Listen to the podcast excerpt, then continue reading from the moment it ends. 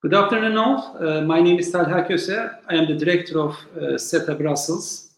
Uh, so we have an important uh, panel today. Uh, as you know, in the uh, summertime, we often try to skip hot, some of the hot topics, but the Cyprus diplomacy, which has been going on for decades, is one of the central issues of Turkish foreign policy and at the same time an important pillar of uh, East Med uh, geopolitical game. So one of the game-changing events in the last couple of weeks was Turkey's and uh, Turkish Republic of Northern Cyprus's changing uh, negotiation frame uh, in the Cyprus issue. So the new negotiation frame has been based on the idea of sovereign uh, equality, and this idea has been resisted by some of the international actors, including uh, EU, US, and United Nations. So, despite all these, uh, all the earlier efforts that were based on uh, federal solutions, uh, for decades of negotiation, uh, federal solution could not be reached. Uh, the Annan Plan and Crans-Montana talks have failed, and the existing status quo actually affected Turkish side in the island and uh, Turkey more negatively. So this uh, new negotiation frame is important, and in terms of timing uh, within the uh, East Med diplomacy, the significance of the island of Cyprus is becoming more important. So today we're going to discuss uh, the issue within a broader framework. Of course, our main issue will be the changing nature of Cyprus diplomacy, but uh, we will discuss this within the framework of broader East Med uh, diplomacy, Turkish uh, EU relations, as well as uh, Turkish Republic of Northern Cyprus relations uh, with Turkey. So we have three very distinguished uh, scholars and researchers who have been studying the issue and writing and commenting on the issue for many years. Uh, so uh, we will discuss uh, today the nature of changing Cyprus diplomacy and how it will affect Turkish foreign policy and East Med geopolitical game. So our first speaker is Ahmet Sözen.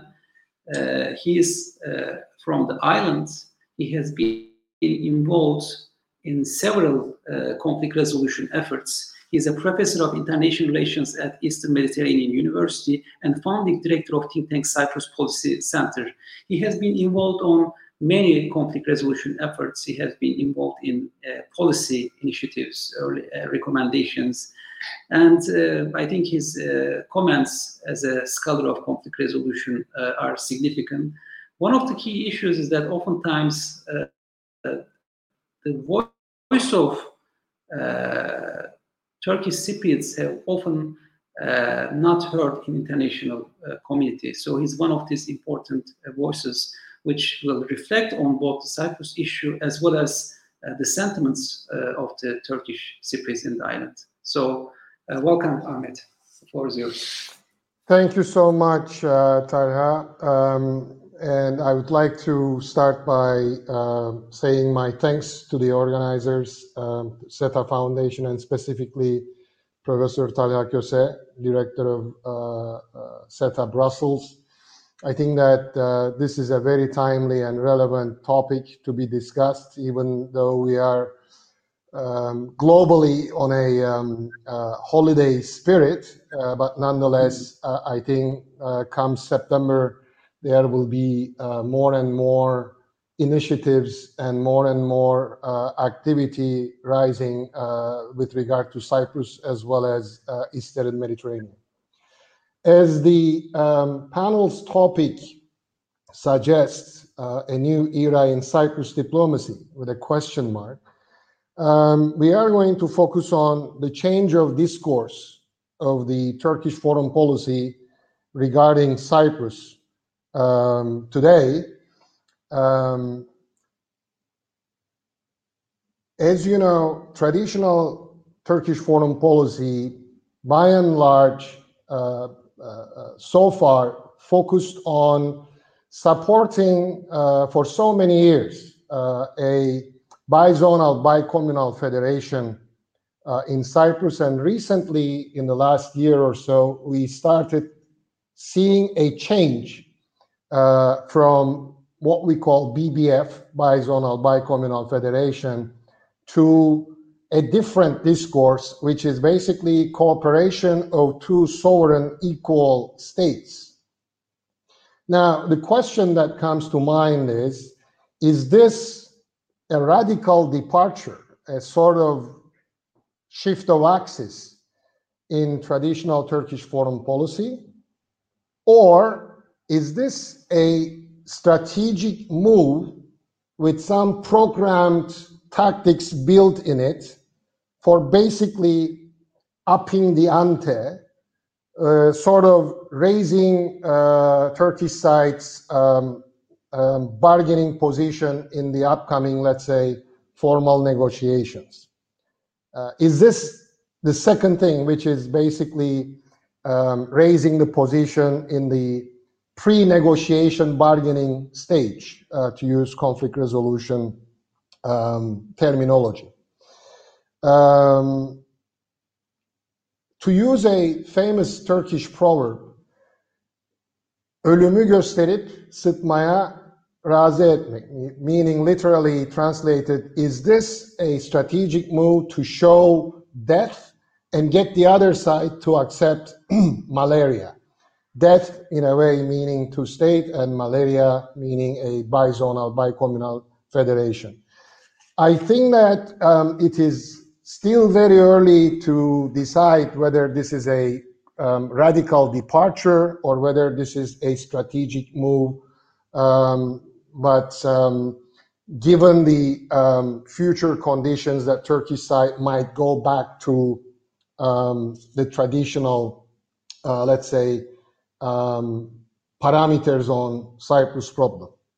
Now, before answering that, and to me, as I said, it is still unclear, a lot depends on how Turkey's relations with basically with its Western allies, uh, specifically United States and EU countries, will shape in the next uh, several months. Whether Turkey and its Western allies will find a kind of modus vivendi to kind of normalize its relations, given some of the uh, problems uh, sticking out there. Uh, but first of all, let's tackle why is this change in, uh, uh, at least in the discourse of Turkish foreign policy makers. I think that um, starting from the global level and moving towards more micro level.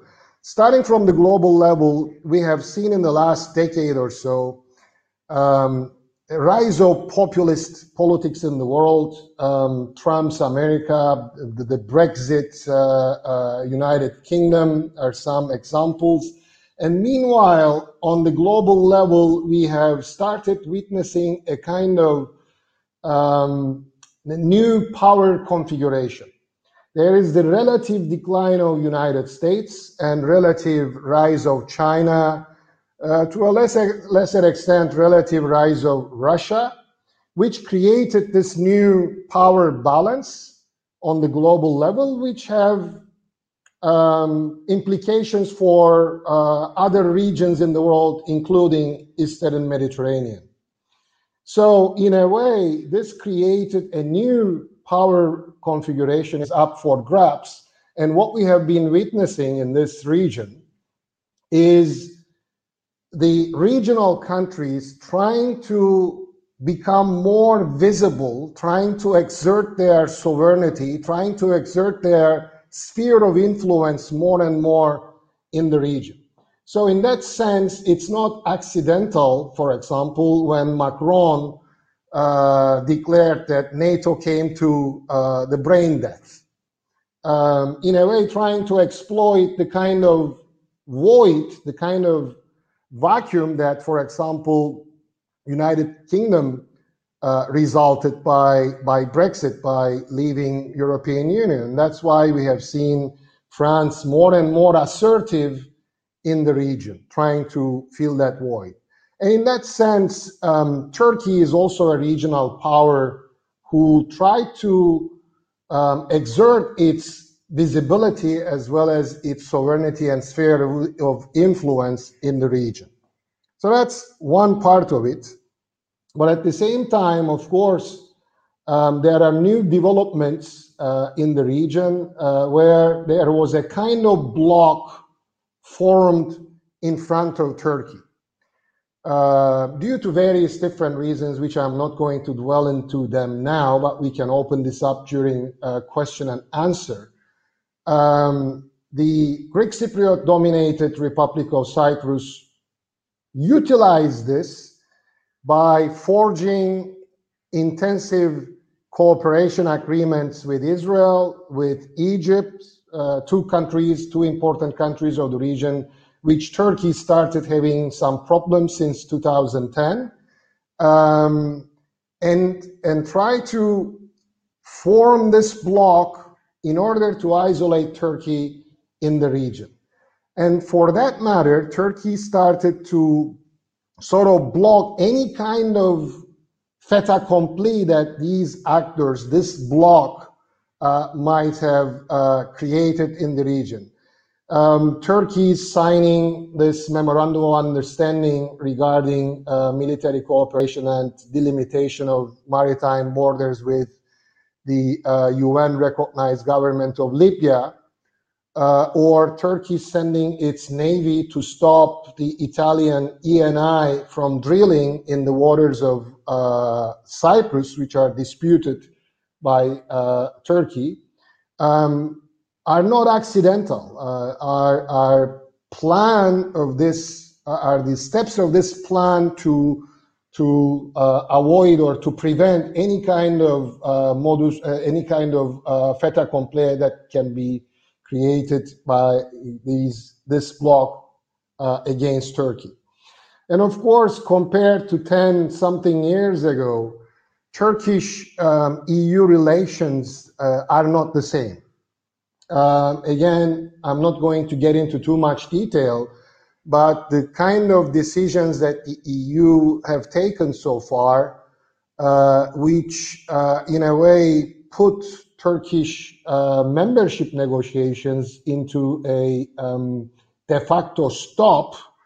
Um, and maybe there are some reasons that Turkey might also have here, but um, the changing nature of Turkish EU relations also played an important role uh, in the change of discourse of Turkish foreign policy vis-a-vis Cyprus.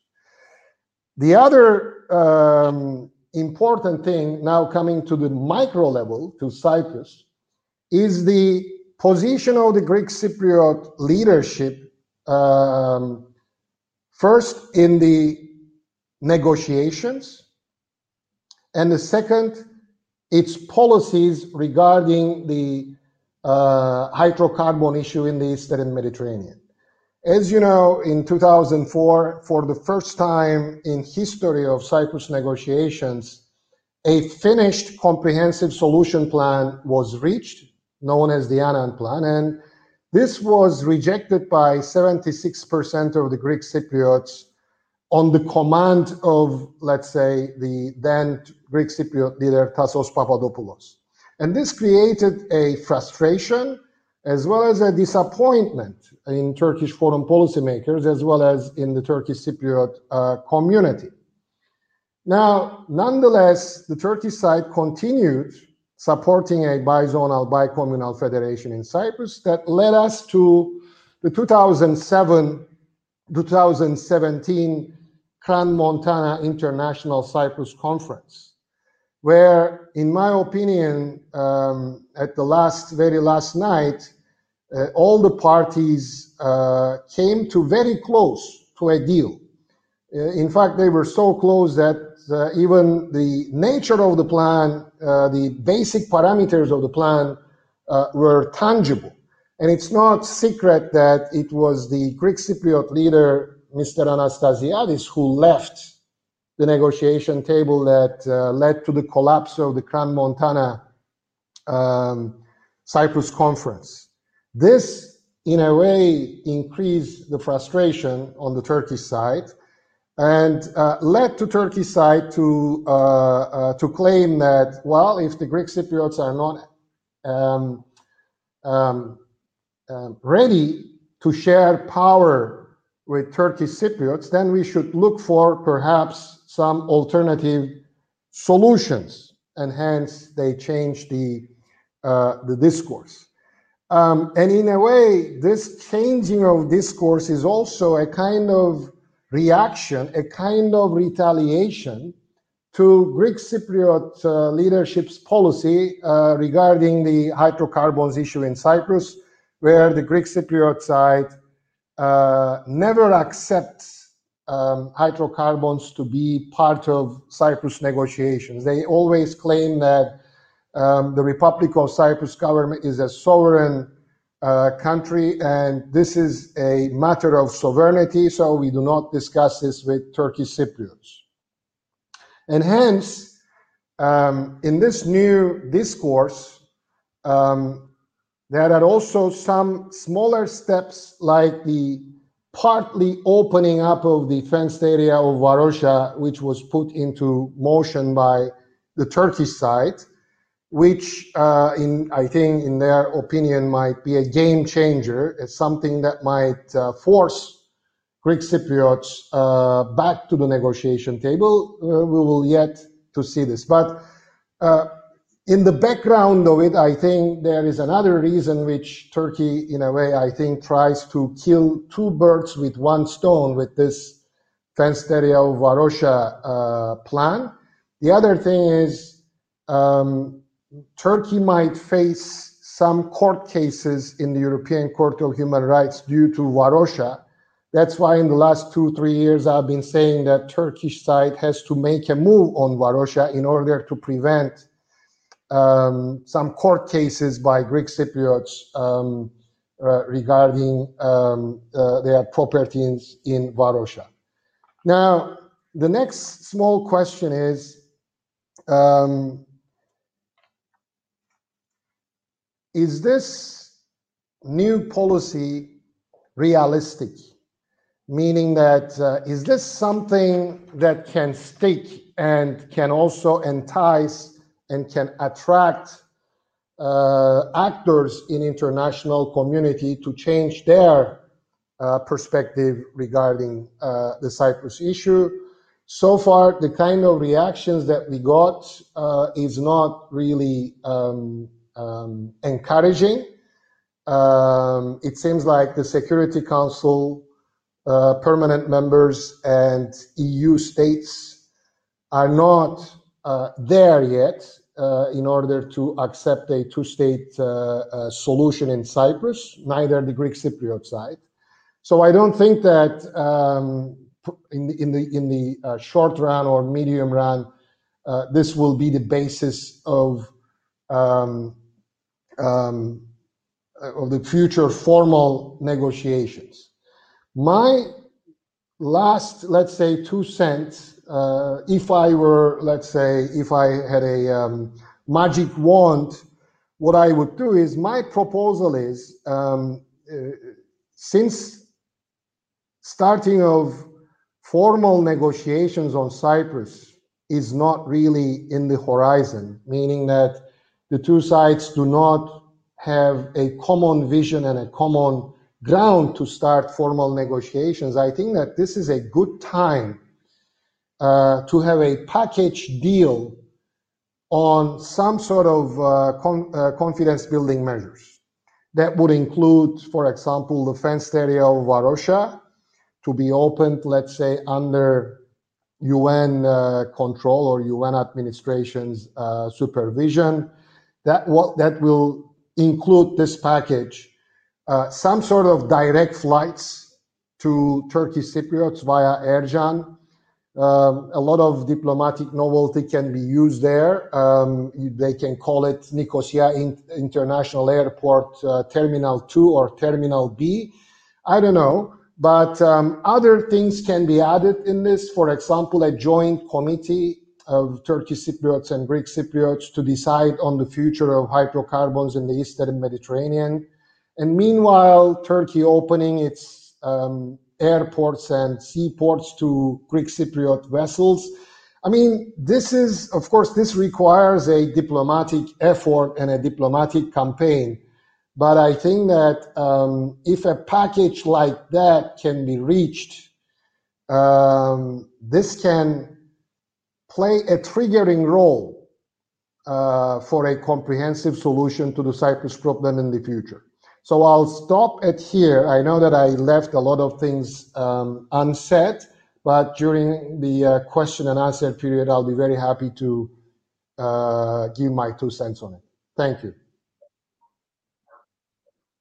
Thank you very much, uh, Ahmet. So you can also, uh, our followers can ask questions on social media. So it's open and we will post some of these questions. Uh, thanks for the excellent uh, summary and more importantly, an optimistic uh, recommend, set of recommendations for confidence building measures. So there is often uh, some pessimism about uh, the people who follow Cyprus diplomacy recently, but your comments, analysis, as well as your recommendations, suggestions are very fruitful and constructive. So hopefully all the actors who are following this issue, especially the United Nations side, may come up with a better negotiation or better mediation framework in the uh, coming days. So thank you, Ahmet. We'll come to you uh, in the Q&A section. So our uh, second speaker uh, is Mehmet Uğur uh, Ekinci. Uh, he is assistant professor at Turkey's Police Academy. He has been writing extensively on European politics, Balkan politics, uh, and has been uh, also commenting and writing on the Cyprus issue. So uh, Mehmet Uğur uh, is also uh, a researcher at SETA Foundation. So he will reflect overall perspective of Turkey and uh, Turkish Cypriots within this game, how we come to this situation, and why uh, there is a major change in negotiation frame. The floor is yours, Mehmet. Thank you very much. Uh, first of all, I thank you and all the organizers for this panel. And uh, I'm going to speak after this uh, excellent summary by uh, Professor Ahmet Sözen. Uh, so I'll add to the points that he made regarding global and national level factors leading to today in Cyprus. Uh, first, um, I want to offer a definition, a very general definition uh, to the term solution. Uh, I mean, it's not a, a, revolutionary definition. I would say solution is a fair and long-term settlements acceptable for all parties concerned. Um, up to now, uh, because of the high-level agreements between Turkish leaders, uh, back in the late 1970s, uh, there has been an association of uh, the concept of federal solution with the term solution itself.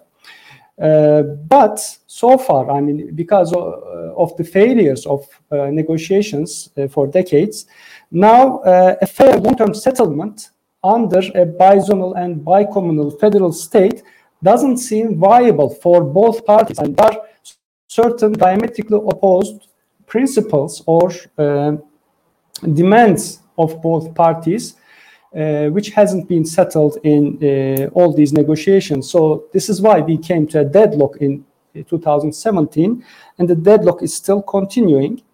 The problem in non-agreement was that there wasn't enough incentives or pressures uh, coming, especially outside the system, uh, I'm talking about from international politics or international system, uh, to all parties involved in this Cyprus dispute. Uh, there were certain episodes when solution, I mean, a federal solution seemed possible, uh, but in those episodes, the incentives and all pressures uh, coming to the parties were effect effective only on one side, but not to the other side. Let's look at, for example, the uh, early 2000s when uh, the Annan plan came to the uh, agenda and Turkish Cypriots, both publicly and in terms of its government, was very much supporting, I mean, not maybe the president, but the uh, government and uh, the majority of the public was very much supporting the package. And Turkey was also supporting the package as well. And let's remember the government uh, in Turkey, uh, the governing party in Turkey back those times uh, is the same as today. Uh, but the major uh, incentive driving both Turkey and Turkish Cypriot to the uh, federal solution was, of course, the EU membership perspective, which seemed real for Turkey as well. Uh, so not only Turkish Cypriots would become a member to become uh, EU citizens, but also Turkey would become a European uh, Union country in a short or foreseeable future. Um, but during that time, there wasn't enough incentives for uh, driving Greek Cypriots to a settled agreement. So that's why uh, the Greek Cypriots, the majority of Greek Cypriots said no uh, in the referendum. afterwards, the incentive conditions were more or less the same. Uh, maybe in the early 2010s, when there were discoveries of hydrocarbon sources around the island, uh, maybe that could drive uh, Turkish Cypriots more towards an agreement. And uh, I attributed the uh, restart of negotiations and I mean maybe the acceleration of negotiations with the signing of the uh, agreement in February 2014, mostly to this new incentive structure because without an agreement and also without Turkey's involvement, the use of hydrocarbon resources in Eastern Mediterranean would be uh, not be possible uh, or would not would be very costly for uh, Greek Cypriots. Uh, but but in the 2010s, the incentive structure changed for uh, especially Turkey, uh, but also connected to Turkey, the Turkish Cypriots as well, because of the dependence of Cypriots to Turkey, especially from 1974 onwards. Uh, the preferences of Turkish Cypriots are also very much linked to the preferences of Turkish and uh, so, as we all know, uh, from the mid 2000s onwards, uh, while Turkey started membership negotiations uh, with the European Union, uh, there were block blockages coming to Turkey's membership negotiations, and afterwards the financial crisis struck European Union countries, and uh, in early 2010s, uh, the Arab Spring, a very different security environment uh, around Turkey. so new threats emerged, and geopolitics returned uh, to the geography around Turkey. This includes also Balkans as well. Uh, if you uh, look at the accession process of Western Balkan countries to the European Union today, you will see also very much hesitation coming from uh, EU countries, uh, very much linked to the new geopolitics uh, of today. so from early 2000s onwards, a federal solution in Cyprus became less and less geopolitically meaningful for Turkey. and I mean, despite this, Turkey continued to uh, support uh, an agreed federal solution in Cyprus uh, until the failure of negotiations in Crans-Montana in summer of 2017. Uh, and this is very much, according to my opinion, of course, it's very much linked to the path dependency started from the early 2000s and also the willingness of the Turkish Cypriots for a solution. But uh, as Professor Ahmet Sözen mentioned, uh, the negotiations failed uh, at a point that it could really yield a solution because of the intransigent attitude of the Greek Cypriot leadership. but, I mean, to be frank, even if the Greek Cypriot leadership brought a settlement to referendum, I wasn't really expecting the Greek Cypriots to say yes to the formula which was being discussed uh, at that time. So, um, in summary, today, uh, very similar to the situation in the summer of 2017, uh, the incentive structure uh, is not sufficient to bring both sides uh, to a settled agreement. And the diametrically opposed positions uh, of Turkish and Greek Cypriots still continue, especially in the areas of power sharing, security arrangements and guarantees.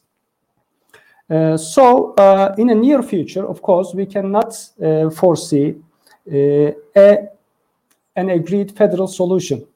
And this year, Turkey and the Turkish Republic of Northern Cyprus, for the first time, officially declared that they were defending a two-state solution. So, officially speaking, this is a paradigm change, not only a, a, discourse change, I think, because change of discourse is also very much linked to political preferences. So it's not very easy to change the political preferences.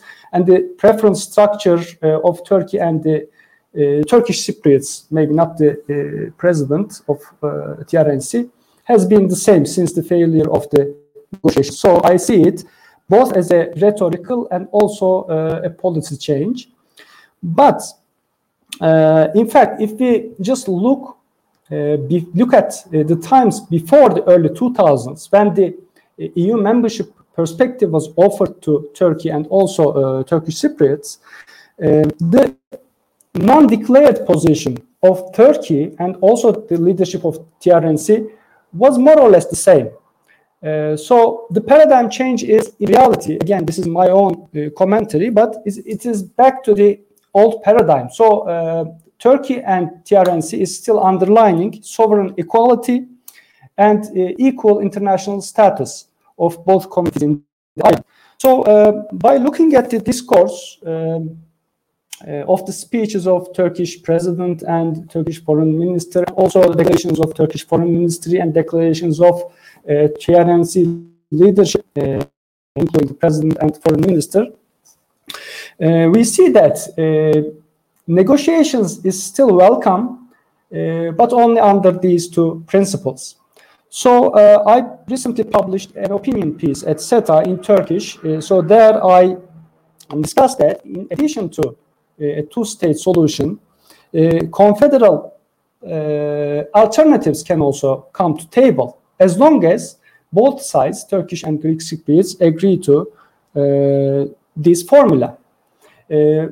My opinion is viability is very important. So whatever solution to be agreed, it should be it shouldn't be uh, agreed upon uh, as a response to the international conjunctures or pressures, but the long-term uh, consequences should be borne in mind.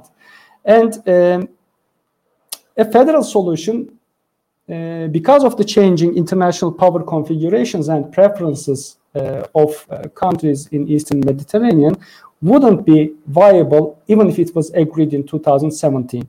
Now, federation can be an alternative, but the viability is very questionable because the two communities have been living separately in the island for such a long time, for decades. Uh, they don't know each other's languages well, uh, and establishing uh, a common state policy in macro, like macroeconomics and foreign policy uh, would be very difficult, uh, especially if the uncertainties in international system continues uh, a bit more. So now I am expecting both TRNC and Turkey to continue its two-state solution rhetoric and preference for an indeterminate time, at least uh, there are until there are significant changes in international power balances. Uh, today, it is a fact that uh, internationally, two-state solution will not be uh, regarded positively by, uh, first of all, the permanent members to the uh, Security Council uh, and European Union as well.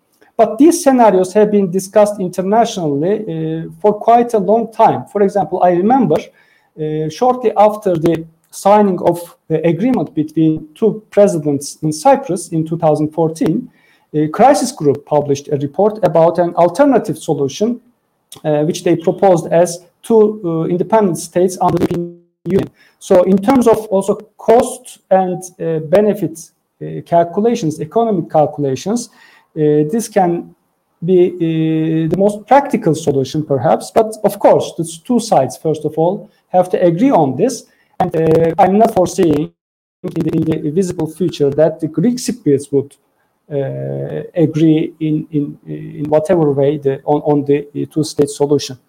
So uh, the viability of this uh, discourse, as questioned by Professor Sözen, um, uh, could be questioned also how, how long Turkey will continue this discourse and how long the Turkish Cypriots will continue this. But it is very clear that under current circumstances, the Greek Cypriots uh, are unwilling to uh, yield political power. Uh, power. so, since they are accepted internationally as the only legitimate government of Cyprus. So, given these circumstances, any discussion for a federal solution would only delay a fair and long-term settlement acceptable for all parties, which is the definition that I offered in the beginning of my uh, intervention. So uh, this is why I'm expecting both TRNC and Turkey to keep uh, this position for long. And uh, it remains to be seen whether international actors uh, will agree on alternative ways uh, of Uh, engagements with Turkish Cypriots. I am also, I mean, to be realistic, I am not expecting any uh, serious international recognition of TRNC in a foreseeable future, but uh, there could be uh, economic engagements and other sort of maybe proxy uh, engagements with Turkish Cypriots, which can relieve the pressures upon the Turkish community in island. So these are the points that I wanted to make. If there are questions, I will be happy to answer them. Thank you very much, uh, Mehmet Uh, so, uh, I mean, as you mentioned, although there's a new negotiation paradigm, it is not new for Turkey and Turkish Republic of Northern Cyprus.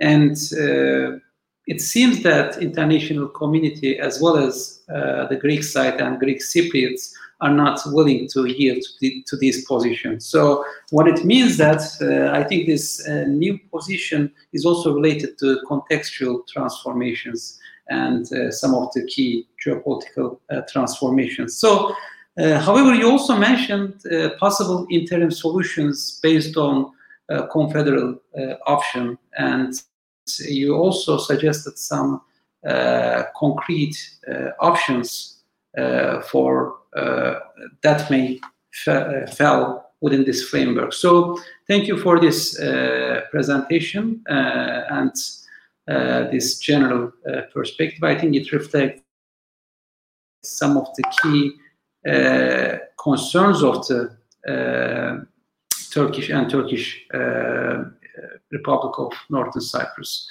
So now we have uh, the third uh, speaker, uh, Kıvanç Ulusoy, so is he available? Uh, I think there was some technical problem, but uh, can we reach uh, Kıvanç or should we uh, wait for his presence and continue?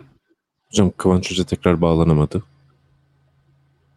Okay, so uh, I think there's a, some technical problem in our third speaker, uh, Kıvanç Ulusoy. So we will try to reach him and we will try to connect him. Uh, but uh, I think we still have uh, some questions and comments until we get connected to uh, So, Ahmet, I would like to start with you especially uh, there is still a lot of uh, thought and you know comment on the Annan plan. So and uh, still uh, I know that from both Turkey and from uh, you know Cyprus, uh, Turkish side, some actors are in support for the idea of the Annan plan and the idea behind this.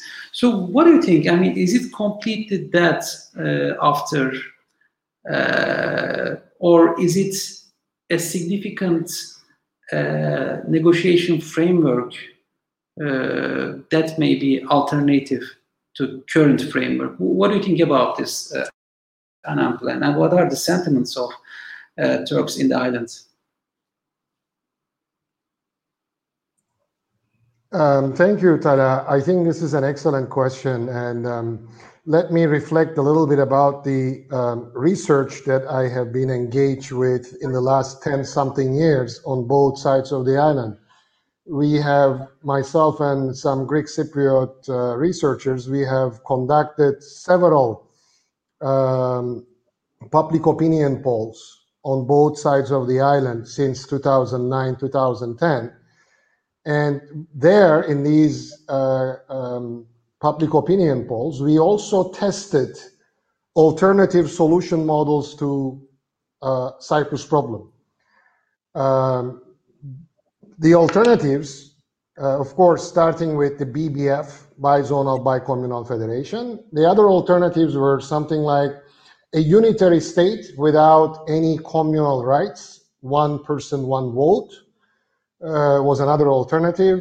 Then two state solution or a confederation of two independent states. And finally, um, the continuation of the status quo, um, as well as we also tested integration of North Cyprus to Turkey, what I called several years ago in a um, in an article I wrote, Hatayization of North Cyprus, and um, it's um, it's fascinating in the last 10 years the result of the um, alternative solutions came very steadily not much changing in the um, in the um, results. The first preference of turkish cypriots came very consistently as that they prefer two-state solution as their first option a bizonal bicommunal federation is their second preference. For Greek Cypriots, their first preference, without surprise, is a unitary state to solve Cyprus problem. And a bizonal bicommunal federation comes as their second preference. But when we look at the results of all these, whether we like it or not, the only alternative solution model that has the chance to pass from simultaneous referendums of two sides is a bizonal bicommunal federation. The other options, the other alternatives, for example, a unitary state would never pass in the Turkish Cypriot side, or two state solution will never be at least in the foreseeable future, will no, not be accepted by Greek Cypriot population. So given this, we have this hard reality on the ground uh, that um, the only option that has the chance ranging from highly desirable to desirable to satisfactory to tolerable if necessary to undesirable on that sort of uh, scale, um, the only uh, option that has the chance to pass from both sides is, as I said, whether we like it or not, is a bizonal bicommunal federation, which is the second preference for both sides. And in conflict resolution, this makes sense because if you want to reach a solution to a conflict, especially uh, a protracted conflict like Cyprus, then you know um, the solution is not going to make each side 100% happy and 100% satisfied. Look, um, about um, 25 years ago, when I was writing my PhD thesis on Cyprus negotiations, I I did um, uh, uh several dozens of uh, interviews. One of that was with the UN Secretary General Spe- Special Advisor to Cyprus, Mr. Gustav Feissel, where I asked him what would be the ideal solution to the Cyprus problem, and he said a federation. And I said, why? Well, he says because it is the second option or second preference for both Greek Cypriots and Turkish Cypriots. It's the only solution that requires mutual compromise a solution that will not make each side 100% happy, that might leave each side slightly unhappy, but at least each side will get I don't know, 75 or 80% of what they are demand as a solution. So there is that hard reality also uh, uh, in front of us. So uh, there will be people, and there are people still uh, in Cyprus uh, who support a federal solution on both sides. And very interestingly, compared to several years ago, um, the number of Greek Cypriots, the percentage of Greek Cypriots who are moving towards this acceptability of a federal solution is increasing gradually. So, in a way, the, the non-solution of the Cyprus problem and maybe some of the steps that Turkey has, uh, the Turkey side has taken so far is also playing an important role in motivating or encouraging uh, Greek Cypriots towards more to a uh, bizonal, bicommunal federation.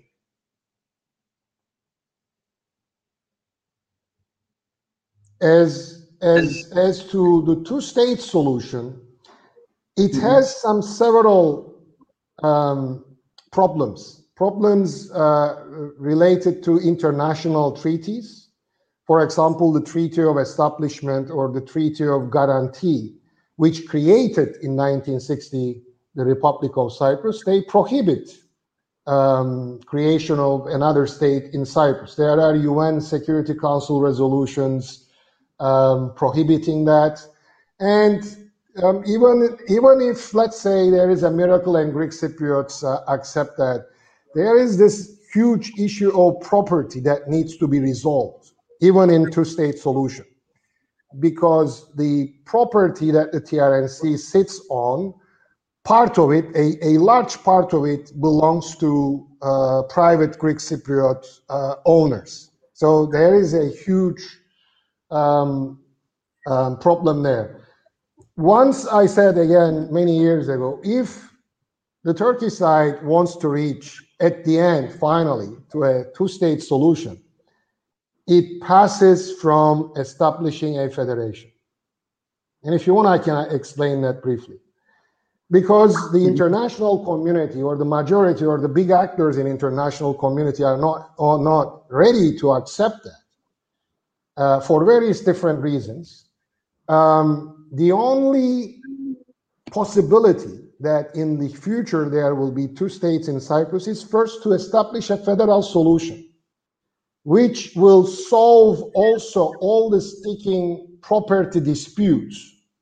And at some point, if that federation is not functional, then maybe the two sides, just like the Czechs and the Slovaks have decided peacefully, they might come to an understanding that, um, sorry guys, this is not really working smoothly. And since we solved the property issue, uh, we want we want out. In that sense, maybe then um, um, a two-state solution can be reached in Cyprus. But I think the way to go there is not directly, especially given the current international conjecture. But I think it also passes from establishing a federal uh, solution in Cyprus. That's my two cents on it.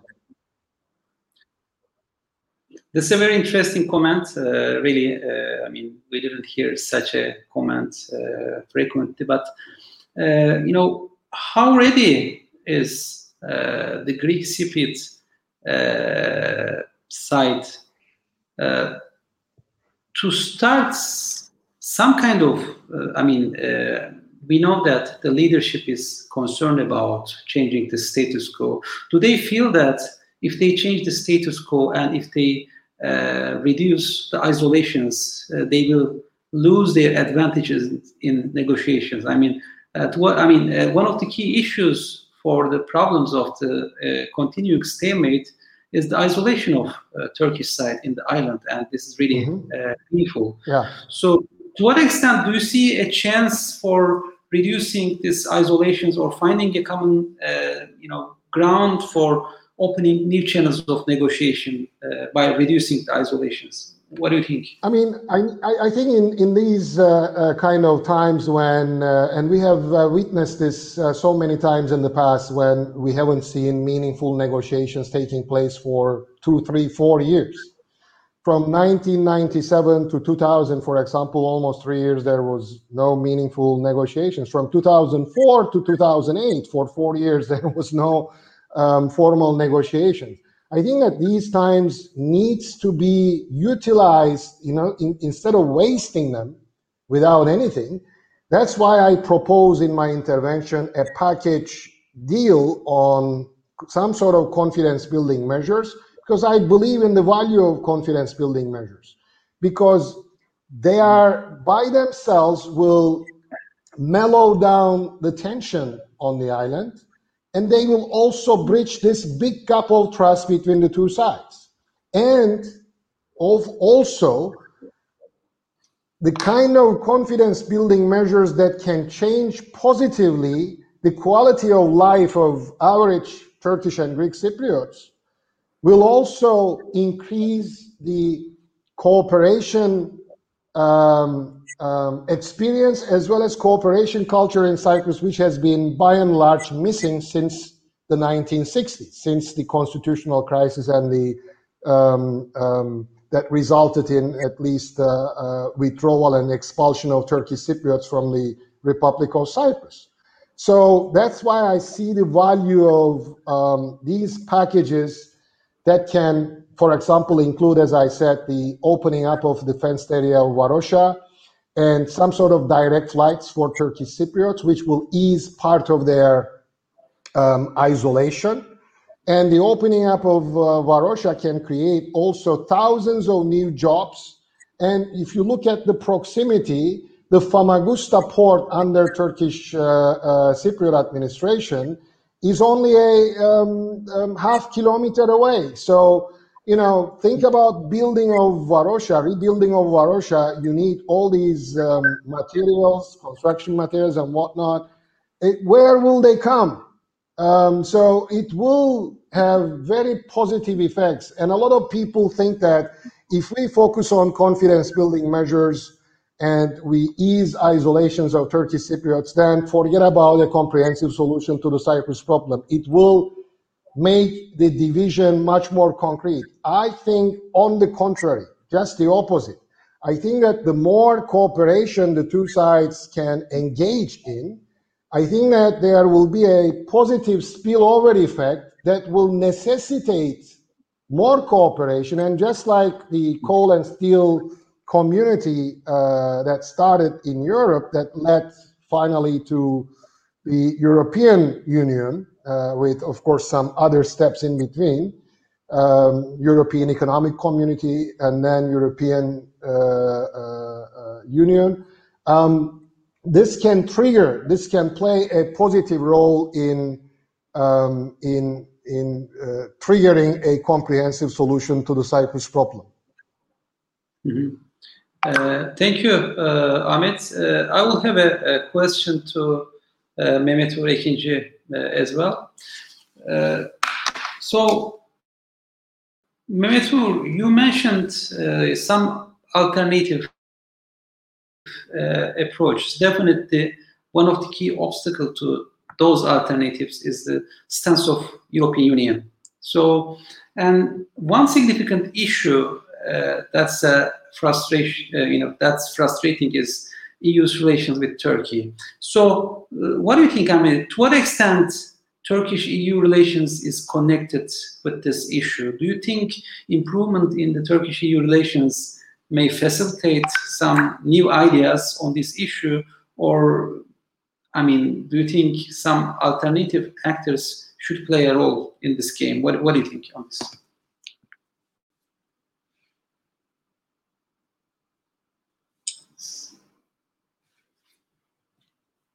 Uh, can you unmute? unmute? Uh, excuse me. Yeah. Uh, thank you for the question. Uh, it's very difficult uh, thing to disentangle the Cyprus issue and uh, Turkey-EU relations. I mean, they are so much entangled, so it makes the uh, commentary about which affects the other the most uh, is very difficult Mhm. because if you remember the year 2005 when Turkey started membership negotiations or after shortly after the uh, start of negotiations uh, it was the Cyprus dispute which uh, stopped uh, Turkey's negotiations especially in certain chapters and uh, it was a very big stumbling block uh, on Turkey's negotiations which uh, so Turkey Cyprus issue definitely affected Turkey's uh, membership process uh, negatively. But afterwards, uh, due to the return of geopolitics, this time Turkey's relations with Brussels affects, affected Turkey's preferences in Cyprus, and I think this is much more salient today. So, um, I mean, I, I don't think any uh, observer would uh, find Turkey's EU membership a real perspective or some possibility in a foreseeable future. If there is no uh, such a prospect, then Turkey, of course, uh, will have reservations about a, a, federal Cyprus under the European Union, uh, European Union. Of course, that will bring benefits to Turkish Cypriots economically, uh, but geopolitics, if it's becoming an important uh, rule of the game in international politics now, uh, this is definitely a factor in Turkey's calculations. it's, it might be a good question to why Turkey still supported the federal solution up until the mid 2000. I think it's a very a strong gesture of goodwill for a settlement in Cyprus, but the Greek Cypriots uh, missed that chance. Now, as an observer, uh, I'm not really uh, expecting any any development in Turkey-EU relations, any positive development in Turkey-EU relations to affect uh, Turkey's calculations regarding a federal solution uh, in Cyprus, uh, unless, of course, it brings a, a real membership uh, perspective to Turkey.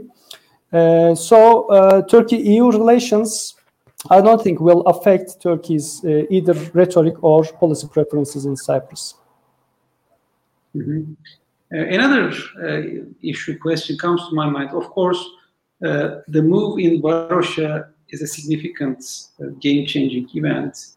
Uh, do you expect any further game-changing moves from Turkish sides from both, uh, you know, positive or negative in terms of, you know, the changing the nature of negotiations? I mean, is there a, a set of uh, plans or is it just, uh, you know, just a signal uh, for changing the existing stalemate? Actually, the status quo has been as such for uh, for decades. So Turkey has been supporting uh, the independence of uh, Turkish Cypriots. So there is no change actually in the game from Turkey's perspective. I think uh, now the Cyprus problem is the problem of, or more the problem of uh, the Greeks, Greek Cypriots and the European Union uh, and the Western actors now, because it, it will be very difficult to uh, to sustain the status quo, especially if Turkey makes new moves in, in the north of Cyprus, or if other countries inc increases its engagements in, in North Cyprus or starts new uh, new engagements, then it will be very difficult for the European Union to sustain uh, this divided situation in the island. I mean, at least on paper, let's think about this. I mean, there is no other such an example uh, in the European Union. Uh, so. Um, yes, uh, the move in Varosha, I read it uh, as, first of all, uh, a support to the sovereignty of Turkish Republic of Northern Cyprus. So Turkey is supporting the move by saying that the Tur Turkish Republic of Northern Cyprus can take critical decisions in Varosha, which is which the Turkish Republic of Northern Cyprus sees as their own territory. Uh, first of all, this is a message uh, supporting the uh, sovereignty and independence of Turkish Cypriots. And secondly, it is a kind of an attempted pressure uh, to the Greek Cypriots uh, to uh, loosen their positions in the negotiations. so far, yes, there are some property owners, as far as I see from the media, property owners from the south willing to take their uh, properties back. But uh, we will see how much pressure it will create. I mean, so far, uh, politically speaking, uh, the pressure is so low because in international scenery also there are some uh, quite a few countries and actors uh, supporting the Greek position regarding Varosha. Uh, but of course, if the status quo continues, the Greek Cypriot side would be more Uh, uneasy about the uh, consolidation of the status quo and uh, the building of a, a federal solution. So uh, this mm-hmm. can really uh, change the game, but uh, in the middle term, I think. I mean, in the short run, I'm expecting both the Greek Cypriot government and also Greece to continue their doing their lobby activities uh, in the EU and uh, in United States and in other countries in the world, especially in Security uh, Council member countries, to.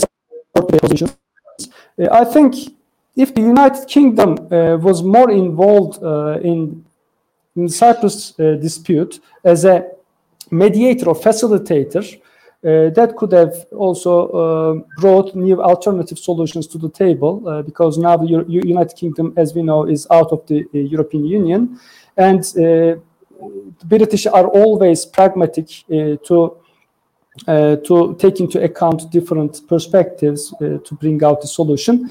Uh, we are not seeing that forthcoming. So uh, the status quo will likely to continue, but as it continues, uh, the Greek Cypriots uh, will uh, need to find uh, new approaches or maybe uh, some flexibility in their approach. So we'll be uh, following this closely. So what will be their next uh, response? Thank you.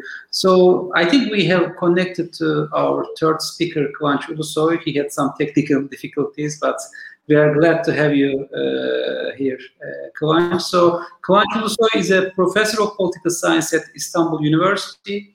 So he was previously a Fulbright Fellow at Harvard Kennedy School and Jean Monnet Fellow at uh, Robert Schuman Center uh, and he has been extensively published on Cyprus issue, Turkish-EU relations, identity issues in Turkey. So he will reflect more about uh, the changing geo geopolitical game in the East Med and how it reflected and how it changed uh, the current uh, debates and current discussions with regard to Cyprus issue. So the broader uh, geopolitical context of the Cyprus, uh, you know, the, the, change in the Cyprus issue. The floor is yours. Thanks very much. Uh, thank you very much, uh, Talha. Uh, sorry for this uh, internet failure. Uh, I'm not. Uh, it's not my responsibility actually, but I live sometimes in this house uh, these kind of problems. Uh, sorry for this, uh, and um, thank you for the invitation. I find, as Professor Sözen mentioned, this con this convention, this meeting, quite timely and relevant. I'm, I'm sure we will. Uh, the, the, Cyprus conflict and the problems in the Eastern Mediterranean will occupy our agenda in the coming months and uh, years uh, more and more uh, as the stakeholders of the energy discoveries and uh, the peace uh, and the conflict in this region uh, are quite alive and Uh, and well. Uh, so I will uh, mm, divide uh, my uh, my presentation into two sections. In fact, first section will relate to um, the, internal dynamics of the EU decision making, which uh, prevents uh, the improvement of the relations between Turkey and the EU and uh, and uh, and and a comprehensive solution in Cyprus. Uh, the second section will uh, will relate to or relates to uh, the, the the broader geopolitics of the Eastern Mediterranean, which becomes, uh, I think, uh, uh, uh which gains uh, better, uh, which gains a new dimension with the Abrahamic Accords that Israel signed with the Gulf countries, and now today probably with Morocco. so Israel extends its its its embeddedness in in the Middle East. Uh, more than ever uh, over the past uh, two years. So the Cyprus question is related with this too. first of all, um, let me come to the first section. I'm, I'm thinking uh, basically i'm not going into further details uh, of all these uh, developments since the incorporation since the membership of cyprus republic or or Greek Cypriot uh, to uh, to the EU uh, that uh, that the EU decision making, which uh, once uh, great scholar of integration Fritz Scharpf mentioned a joint decision trap, prevents the, the the deepening of the relations between Turkey and the EU and also the resolution of the Cyprus conflict. What could Turkey do? Uh, Turkey actually, uh, you know, supported the Annan plan, uh, which was approved by the great majority of of the Turkish Cypriots.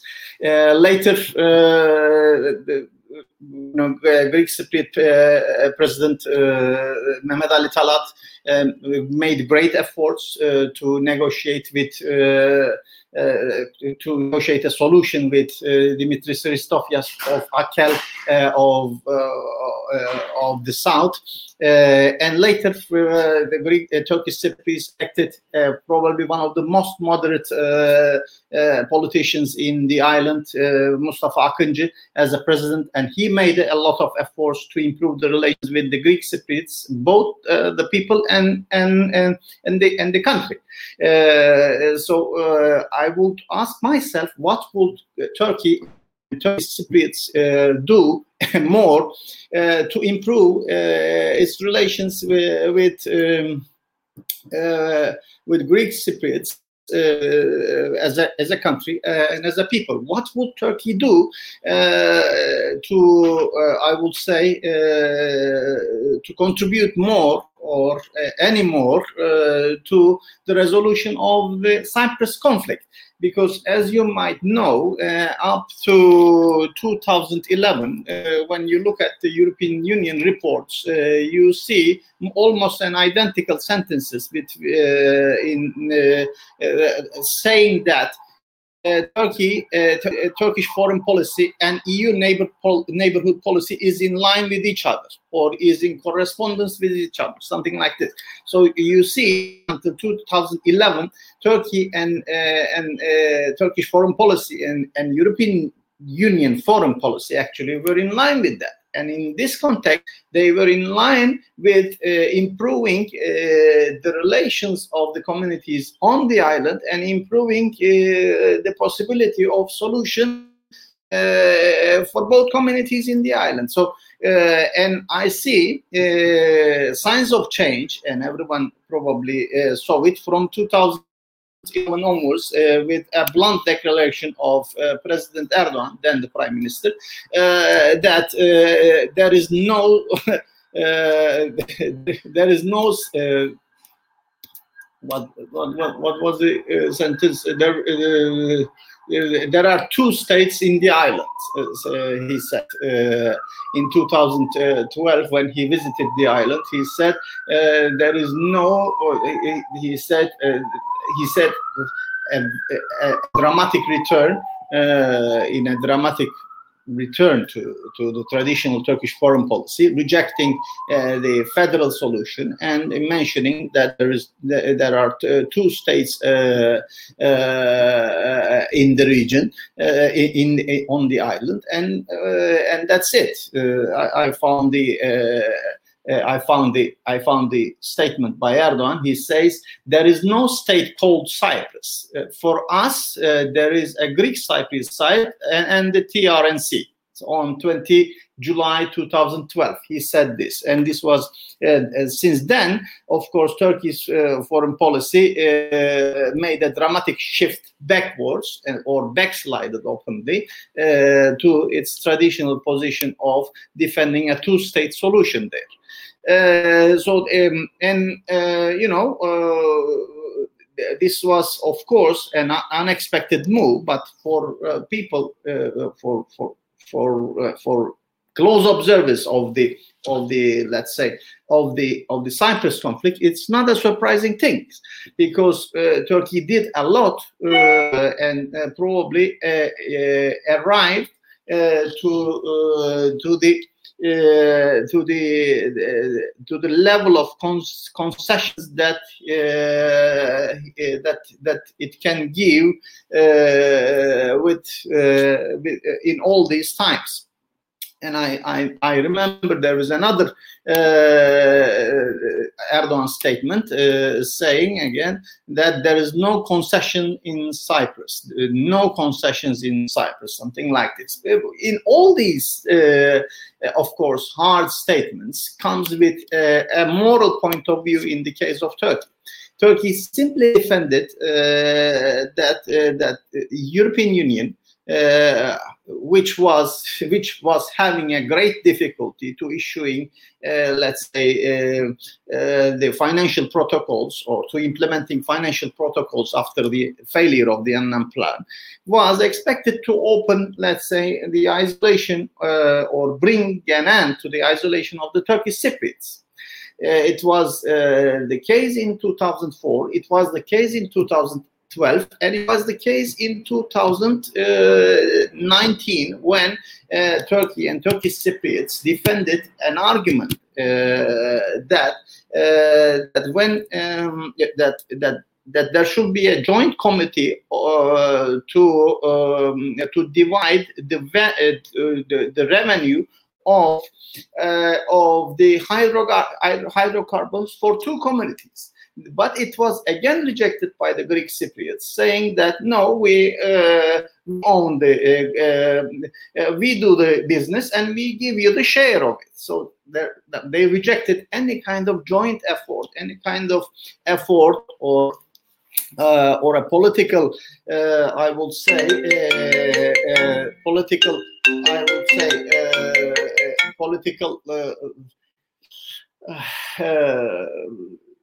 statement that would include, that would give an identity, a proper status to the Turkish Cypriots. Of course, this makes uh, uh, everything uh, very difficult uh, for, uh, this makes everything very difficult for uh, Turkey and Turkish Cypriots, to my side, make any favorable move for for betterment of situation in the island, on the island.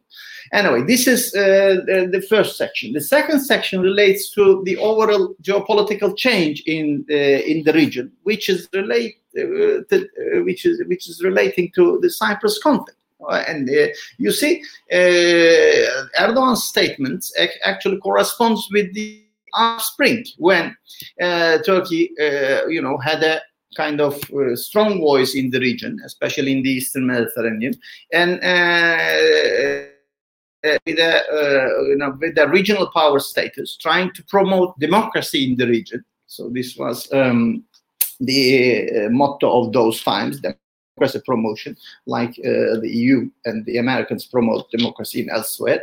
Uh, so this democracy promotion uh, actually uh, provided uh, an important uh, upper hand for Turkey in the region, and Turkey was quite popular, strong, and and in this context, uh, Turkey had, uh, I would say, diverging interest uh, Uh, with the EU uh, in the Eastern Mediterranean. So the EU's uh, position and Turkey's position towards the uh, towards the democratizing dynamics in the uh, in the Arab world were different.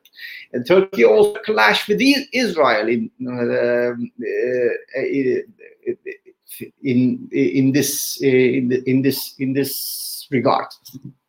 Uh, and uh, the things, uh, of course, the general geopolitical situation deteriorated with that.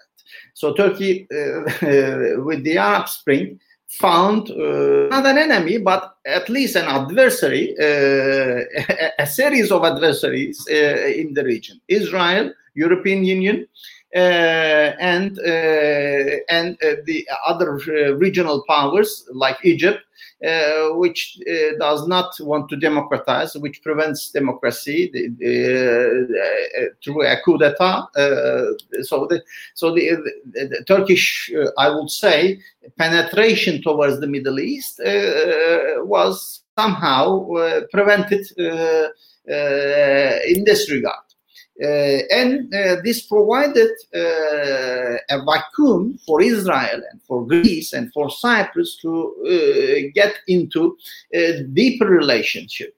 You know they had been already deepening their relationship with exclusive economic zone agreements from 2007 onwards. But uh, the, but this political vacuum that uh, actually turkey left in the eastern mediterranean provided um, uh, those countries uh, with an incentive and a power to, let's say, uh, to bring their uh, uh their uh, high or uh, conflicting interest in line with each other. And this, of course, I think the, the distinguishing side of this geopolitical change is the deepening of Israel's, I, I would say, power in the, in the region. Israel is more and more embedded in the region uh, now, and Turkey found itself a bit isolated from uh, the game in the, uh, in, in the Eastern Mediterranean. Uh, and uh, of course, this uh, made the resolution of the Cyprus conflict a bit difficult a bit difficult in the sense that Cyprus, a very small island, a country, uh, found uh, itself uh, more powerful than it expected. Uh, uh, because uh, Cy uh, Cyprus, uh, Greek Cypriots, uh, backed by the European Union and backed by Israel and Greece individually, found no reason to compromise neither on the island with Turkish Cypriots nor with Turkey. and the situation is complete paralysis. Uh, I will say uh, that uh, that this this this zero sum game of power would would would never I would say would would never help anyone. Um, it would not. I mean, at the moment, Turkey seems a loser. Uh, uh, I, I, mean, at least in terms of appearance, it looks like that. But everyone knows that the, the, the surest and the shortest way of uh, the uh, common richness of the region, uh, which is hydrocarbon reserves, from Israel, from Egypt, and from uh, from Cyprus, is via Turkey. Uh, uh, and there is no uh, feasible option of carrying those hydrocarbons, oil and gas, from the Eastern Mediterranean to to Europe via via pipelines undersea. Uh, I, I, think reasonable European uh, in, uh, investors and, and reasonable, I would say, oil companies would not resort to that risky game. Uh, so uh, that zero sum game uh, uh, that is created, uh, let's say, in the aftermath of the Arab Spring in the Eastern Mediterranean would help no one. And I would argue that the idea of dividing the land in the in the Middle East and the Eastern Mediterranean brought wars dividing the sea will bring more wars, not less. So the exclusive econ economic zone negotiations uh, would, would go nowhere. Uh, I would uh, ask uh, everyone to return to the idea of Mare Nostrum. This is everyone's sea, and the the richness of that sea is of, of everyone, and, and should help everyone. and I will really like to conclude here. Thank you. Uh, thank you very much, uh, Kıvanç. So your concluding remark is also uh, very important. Uh, so unfortunately, uh, we occasionally, uh, the actors occasionally lose this sense of shared destiny and shared interests. so my question is, you mentioned some of the structural transformations in the region, especially the Abraham Accords. So, and also uh, in connection with the Arab Spring, what do you think? I mean, to what extent Arab Spring is critical in shaping of the Cyprus issue, or do you think the uh, EU-Turkey relations is more definitive in terms of uh, change of the mindset? I mean, uh, yes, I mean definitely in terms of structural uh, transformation, Arab Spring was, uh, you know, uh, a significant game changer. But how how do you think it uh, triggered, uh, you know, especially the Greek Cypriot side's uh, policy change with regard to the islands?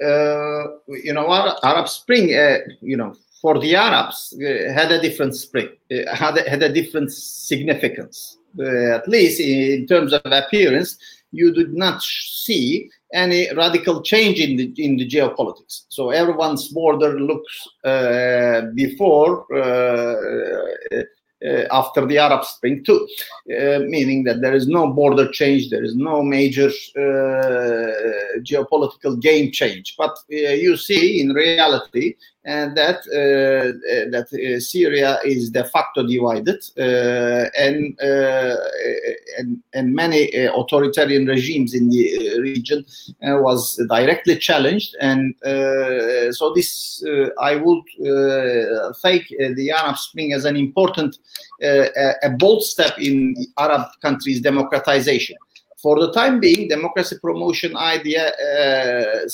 uh, simply ban- uh, uh, bankrupted. I mean, it was in is in bankruptcy now. It's not easy to speak democracy in the region now uh, and elsewhere. Uh, I would say.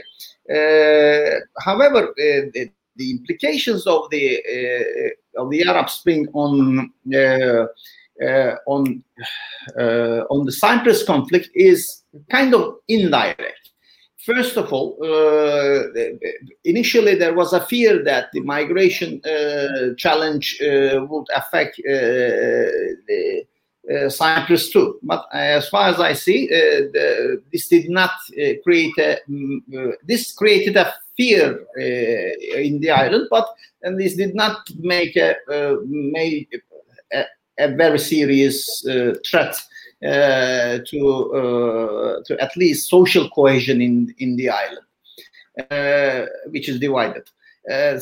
but um, I would say that the the, the Arab Spring, after more than a 10 years, after almost 10 years, I would say, uh, that the Arab Spring would increase the, the regional power of Israel.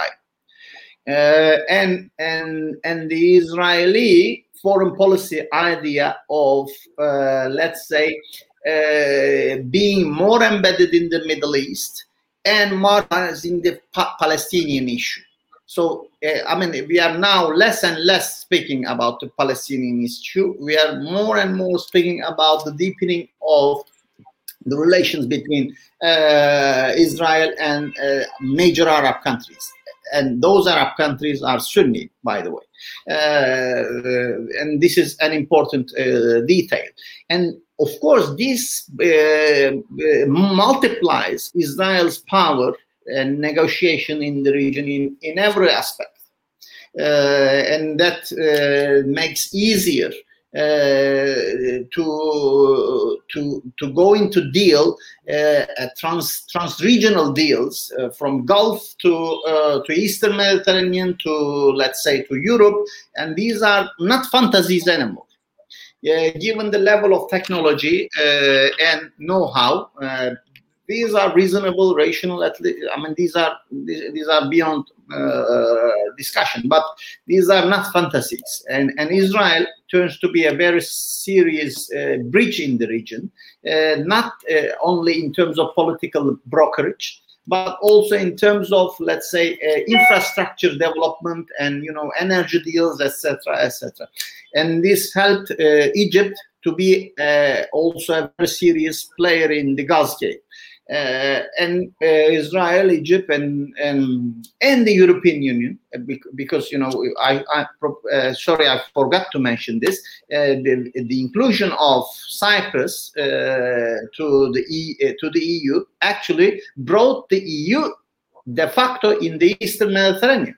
EU is a player in the Eastern Mediterranean. It was no more before 2004. So EU is is one of the players yes, uh, the, the rest are state, uh, and the EU is, is a is a is an interstate uh, sui generis organization, but the EU is also a player. So so you see an, a, a change of the platform of discussions, and of course this affects uh, very much uh, the uh, the the probable let's say infrastructure. Um, uh, projects and uh, and peace negotiations and uh, and and pro- and other things. Yes. Mm-hmm. Thank you, Klein. So I think we come to the end of the debate, but I'm going to ask a question to both Mehmet Uğur Ekinci and Ahmet Sözen. So, uh, as some analysts argue that the EastMed uh, pipeline project is impractical uh, after EU's you know, environmental policies and efforts to reduce uh, carbon production. So, of course, this is an important game changer uh, in the entire region, and especially with regard to the Cyprus issue. So, what do you think? I mean, what may be uh, the impact of uh, this uh, new argument? I mean, do you think this may change the facilitate uh, Uh, reaching a deal in Cyprus issue or a broader uh, regional uh, agreement, or do you think this will just, uh, you know, uh, keep?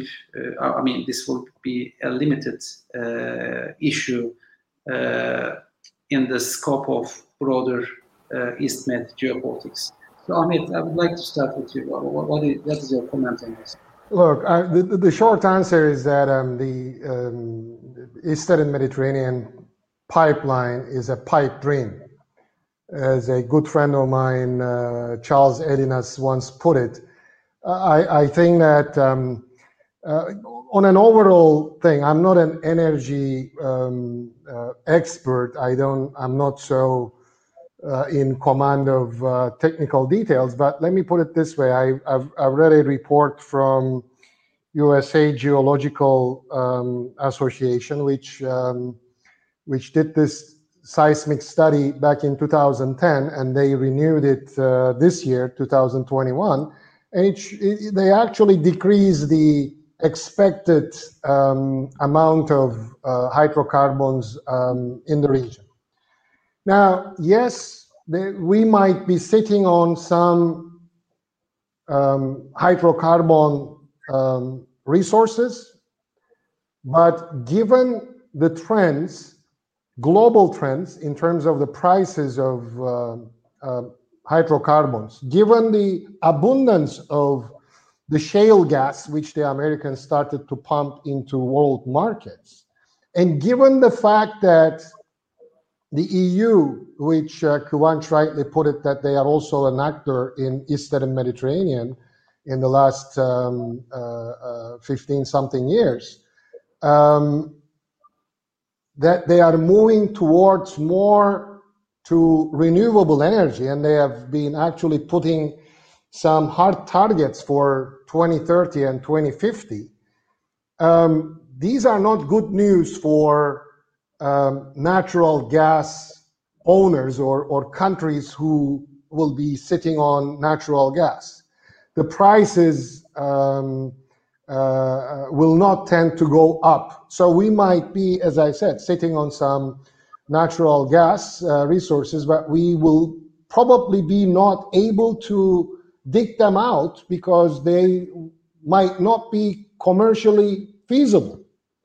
So in that sense, what is happening in the Eastern Mediterranean from the very start, I've been saying that it is not primarily related to energy struggles or energy wars, but more what I said at the beginning of my intervention today, that this is more of a geopolitical game, uh, which is based on these new power shifts, these new power configurations, I like to call them, um, uh, where the regional countries, littoral states, coastal states are trying to exert their sovereignty and trying to exert their sphere of influence um, in the region. Um, given all these, I think what needs to be done is to change the discourse in the um, in this, this in, in in tackling with the energy issue rather than um, focusing on the security and geopolitical aspects. Maybe an alternative is to focus on the environmental aspects of the energy issue of how to keep our seas um, safe, environmentally uh, safe, and maybe we can start a kind of cooperation from there. Mm-hmm. Um, I would suggest um, that instead of each country dealing with its own gas, let's say, um, if we can find a way to combine the gas, let's say the Egyptian, the Cypriot, hopefully with a united island or a island with, with a solution and Turkish gas, Israeli gas, and maybe turning it into, I don't know, electricity and, and connecting the electricity grids of the coastal states might be the way to go uh, to create a much more environmentally friendly Mediterranean, Eastern Mediterranean basin uh, rather than um, you know um, keeping this, let's say, sovereignty wars, uh, which is basically not helping anybody. Mm-hmm.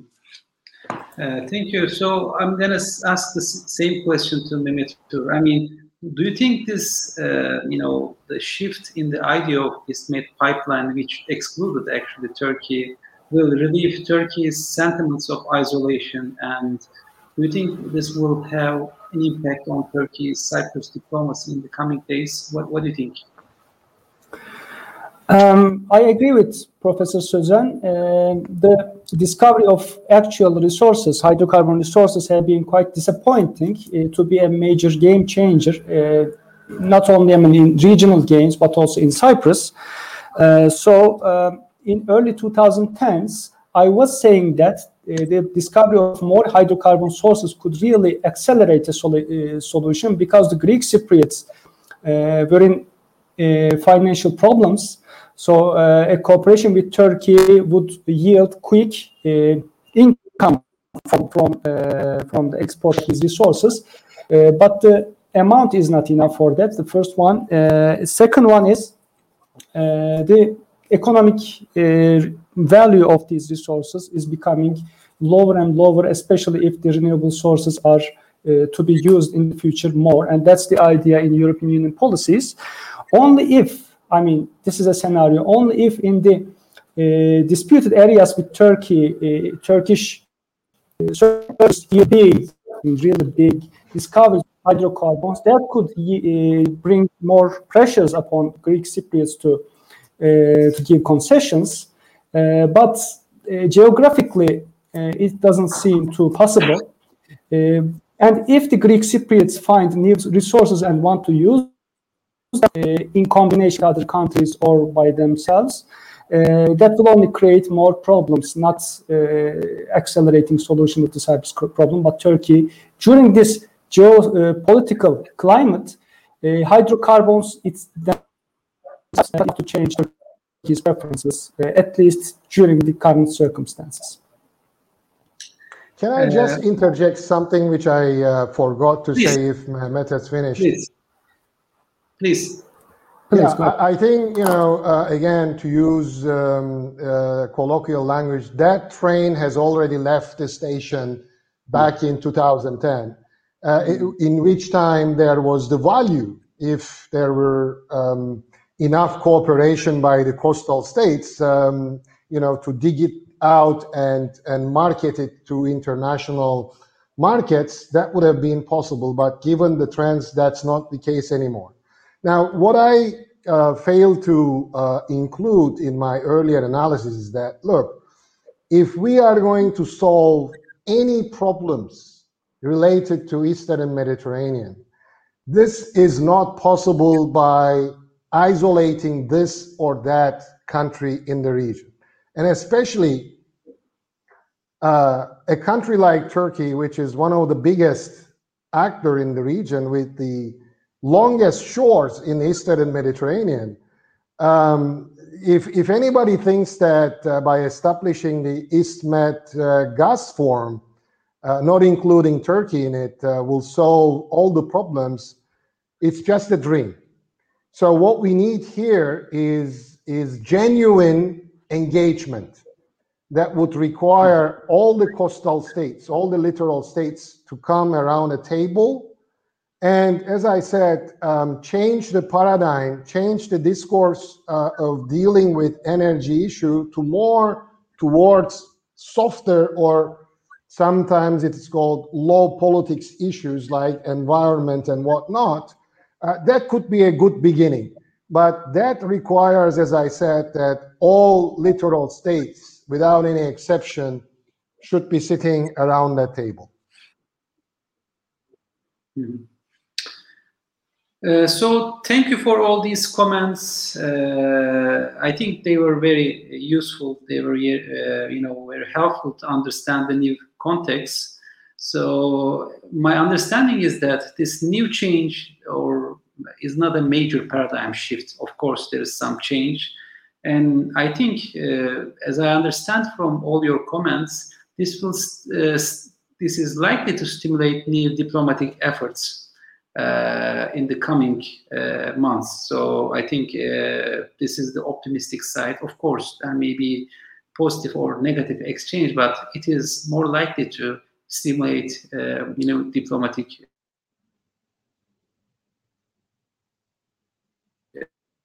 uh, efforts. So hopefully this may uh, occur then uh, our Professor Ahmet Sözen, Professor uh, Kıvanç Ulusoy, and uh, Dr. Mehmet Uğur uh, Ekinci. So hopefully we will continue this uh, conversation. This will this was very helpful to understand the new context. Uh, we will probably continue to talk about more concrete recommendations, which are uh, which are also mentioned in this talk. So thank you for all your uh, contributions.